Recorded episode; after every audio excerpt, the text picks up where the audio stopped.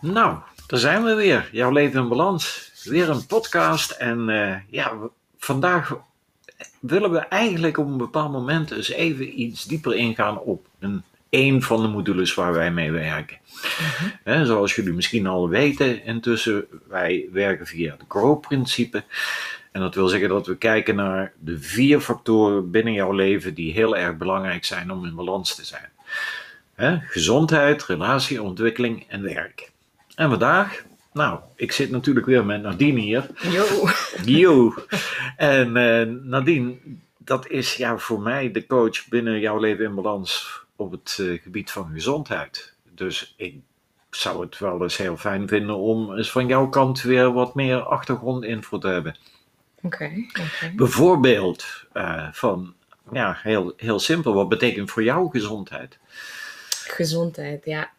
Als ik denk aan gezondheid, dan denk ik gewoon aan, aan eigenlijk twee factoren. En dat is voor mij zowel fysieke gezondheid als het stukje mentale gezondheid. En ik denk dat dat ook wel iets is wat gewoon heel vaak eigenlijk los van elkaar wordt gezien. Maar in mijn ogen is dat gewoon iets wat, wat totaal samenloopt en ook gewoon niet afhankelijk zou gezien kunnen worden. Of in ieder geval een interventie gekozen worden die alleen maar op één pijler uh, zich richt. En um, ja, als we het echt uit gaan brengen. En vaak zie je, ik zie gewoon mensen in mijn dagelijks leven als ik werk als fysio. En er komen gewoon heel veel mensen toch wel vaak met hele soort vage klachten, of in ieder geval vaak terugkerende klachten, visuele cirkels. En dan heb ik het hè, over een heel breed scala. Dat kan zijn nek, rugklachten, uh -huh. dat kan zijn hoofdpijn, dat kan zijn buikpijn, dat kan ontstekingen zijn, dat kan, dat kan van alles zijn. Maar vaak wordt er dan, hè, want ze hebben vaak al hele langdurige trajecten doorlopen, -huh. of ze zijn al bij fysio's geweest, ze zijn al bij de dokter geweest. En eigenlijk komt er maar geen diagnose voor het, voor het stukje klachten. En er wordt dus dan alleen maar gekeken of hè, ze krijgen medicatie. En uiteindelijk is dat dan wel een, een symptoombespreiding, maar er wordt gewoon niet gekeken naar van hey, wat, wat zou nou die, die klachten in stand kunnen houden? Want het is uiteindelijk iets wat terugkomt. En dat zegt voor mij gewoon al vaker iets van ja, oké, okay, dat, dat moet gewoon van, van verschillende aspecten moet dat bekeken worden. En, mm-hmm. als, ik, uh, als ik jou zo hoor, dan schiet mij op een keer iets te binnen. Mm-hmm. En dat is wel al heel lang geleden, maar ik, ik heb eens een periode gehad dat ik ontzettend uh, last had van, van inderdaad pijn in mijn nek en mijn schouders. Mhm. Maar ja, eigenlijk stijf. Ja. En ik ben dan natuurlijk destijds ook naar uh, de fysio geweest en dergelijke. Ja, dat, dat helpt dan wel. Mhm. Maar uiteindelijk bleek dat stressgerelateerd te zijn. Ja, emoties, gevoelens, Ja. dat soort dingen. Dat zijn Het, eh, allerlei... eh, nu achteraf kan ik dat ook zien, Mhm. hè, want dat was een vrij stressvolle periode destijds. En eh, ja, op een of andere manier reageerde mijn lichaam daarop. En dat schijnt met op meerdere vlakken zo te Ja, zijn. Hè? fysiologisch gebeurt er gewoon heel veel wanneer een lichaam langdurig onder stress staat. En stress is iets heel relatiefs. Stress kan, hè, voor de een kan dat zijn hè, van oh, ik maak me zorgen om iets, of ik, Mhm. eh, ik ervaar een bepaalde onrust, ik ervaar een bepaalde druk. Maar dat kan druk zijn die je zelf oplegt, het kan druk zijn die weer vanuit extern op jou wordt gelegd. En zo zijn er heel veel gedragingen, patronen en dingen die ervoor kunnen zorgen dat ehm, er fysiologisch, dus in jouw lichaam, van allerlei toestanden gaan veranderen. Mhm. En stress heeft, heeft bijvoorbeeld op de spieren ook een bepaalde werking van hè, het verstijft de spieren. Mhm. En dat kan weer zorgen dat doorbloeding op sommige plekken minder wordt. En uiteindelijk ga je klachten of ga je een patroon ontwikkelen. En ja, dan kan je tien keer je laten masseren. En je kan hè, even laten kraken of wat dan ook. Of een behandeling daarop inzetten. Maar uiteindelijk, als dat iets is wat, wat constant uh, ja, weer blijft terugkomen, dan zou je jezelf, of ja, dan doe je eigenlijk gewoon als het ware tekort wanneer je alleen maar naar het stukje, de, het verschijnsel gaat kijken. Mhm.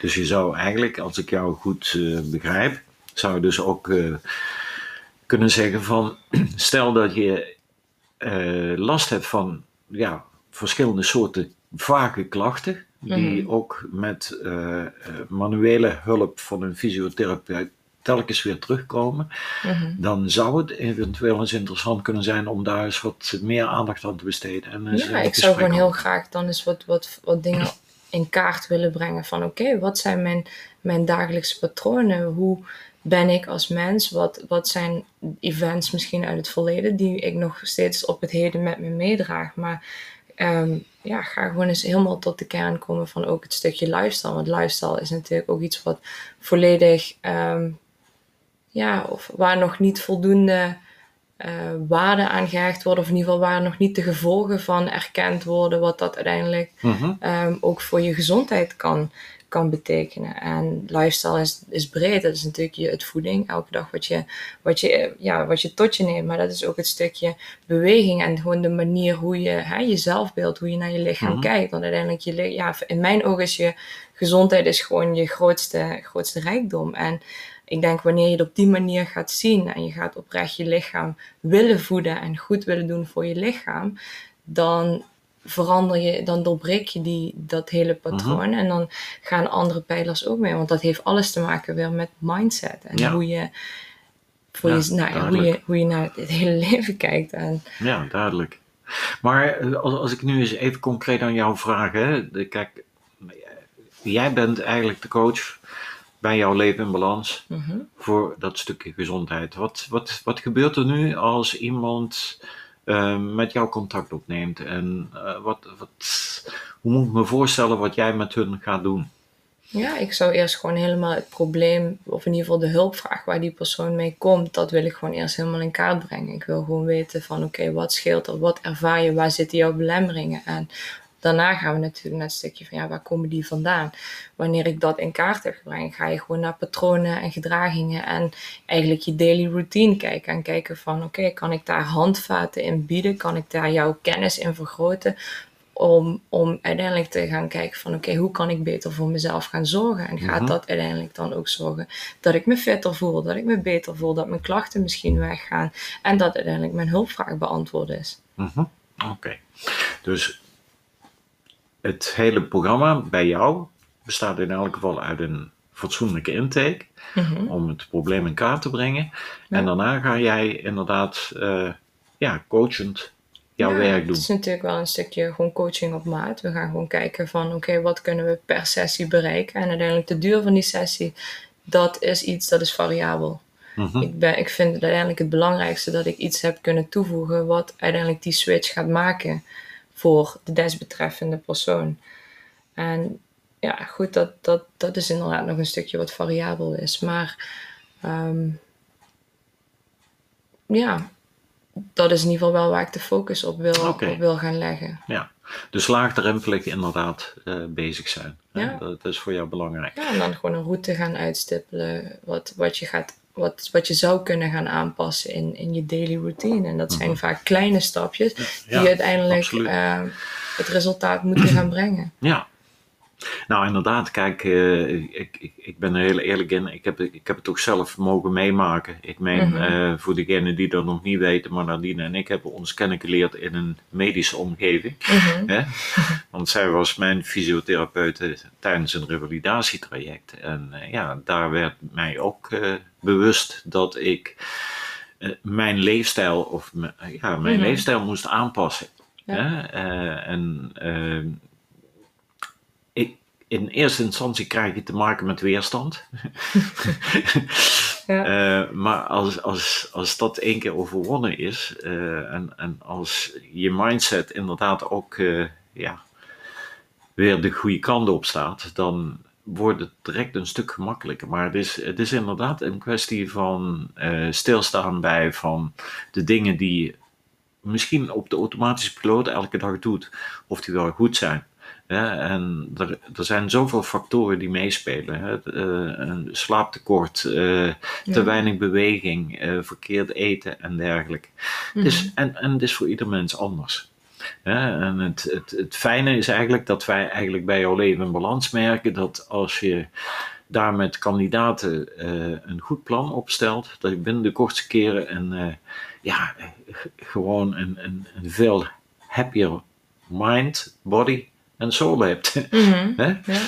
ja, en ook gewoon vooral weer iemand zelf in zijn eigen kracht laten staan, dat hij dit zelf ook aan kan om die switches te gaan maken. Het enige wat ik ga doen is een stukje handvaten geven, zodat eh, een stukje kennis, want wanneer je je kennis vergroot, dan verandert ook al meteen je, ja, je drive, je, je- de Ja. insteek waar je mee iets doet. En op die manier hoop ik gewoon dat die persoon zelf de switch kan gaan maken en het uiteindelijk ook kan gaan vasthouden. En dat we zo uiteindelijk die langdurige resultaten gewoon kunnen behouden. Oké. Nou, ja, ik denk dat, eh, dat jullie nu een goede indruk hebben van wat eigenlijk onder dat kopje gezondheid bij ons gebeurt bij jouw leven in balans. naast dat wij ook actief zijn op relatieontwikkeling en werk, maar daar komen we een andere keer op terug. Eh, zou het zo zijn dat, eh, dat iemand van jullie die nu luistert interesse heeft in een vrijblijvend intakegesprek of een kennismakingsgesprek met uh, Nadine. Nou, uh, schroom niet en bezoek onze website www.jouwleveninbalans.nl yes. Geef een kattenbelletje en we plannen het zo graag voor je in. En ik denk dat wanneer je je herkent in een van de dingen waar Nadine het over heeft gehad, nou, dat dat gewoon een, een hele goede zet zal zijn om die actie te nemen ja, het is uiteindelijk de investering die je natuurlijk in, in jezelf wil doen. En, dat je voelt van oké, ik sta op een punt in mijn leven dat ik, dat ik uh, ja, die stap gewoon wil gaan zetten. Ja, nou oké. Nou, uh, dan zijn we samen op weg eigenlijk mm -hmm. naar een happy body, hè? Absoluut. ja. Happy body, happy mind. Ja, precies. Nou, bedankt voor het luisteren in elk geval deze keer weer. En uh, de volgende keer pakken we gewoon weer een ander thema. Of een thema wat jullie zelf aandragen via onze Instagram, uh, website, uh, Facebook. we you name it. Ja, you name it. Ga ik de volgende maar keer een geef... aan de tand vragen. Ja, ja, dan mag jij mij eens even interviewen, ja. Maar schroom dus niet om actie te ondernemen. Laat weten wat jullie ervan vinden. Eh, laat ook weten waar jullie graag hadden dat wij aandacht aan besteden. Wij pakken het heel graag op voor jullie. En uh, we horen jullie of zien jullie graag bij een van onze events. Zo gauw corona voorbij is, gaan die er volop komen. En voor de rest, uh, tot hoort. Yes.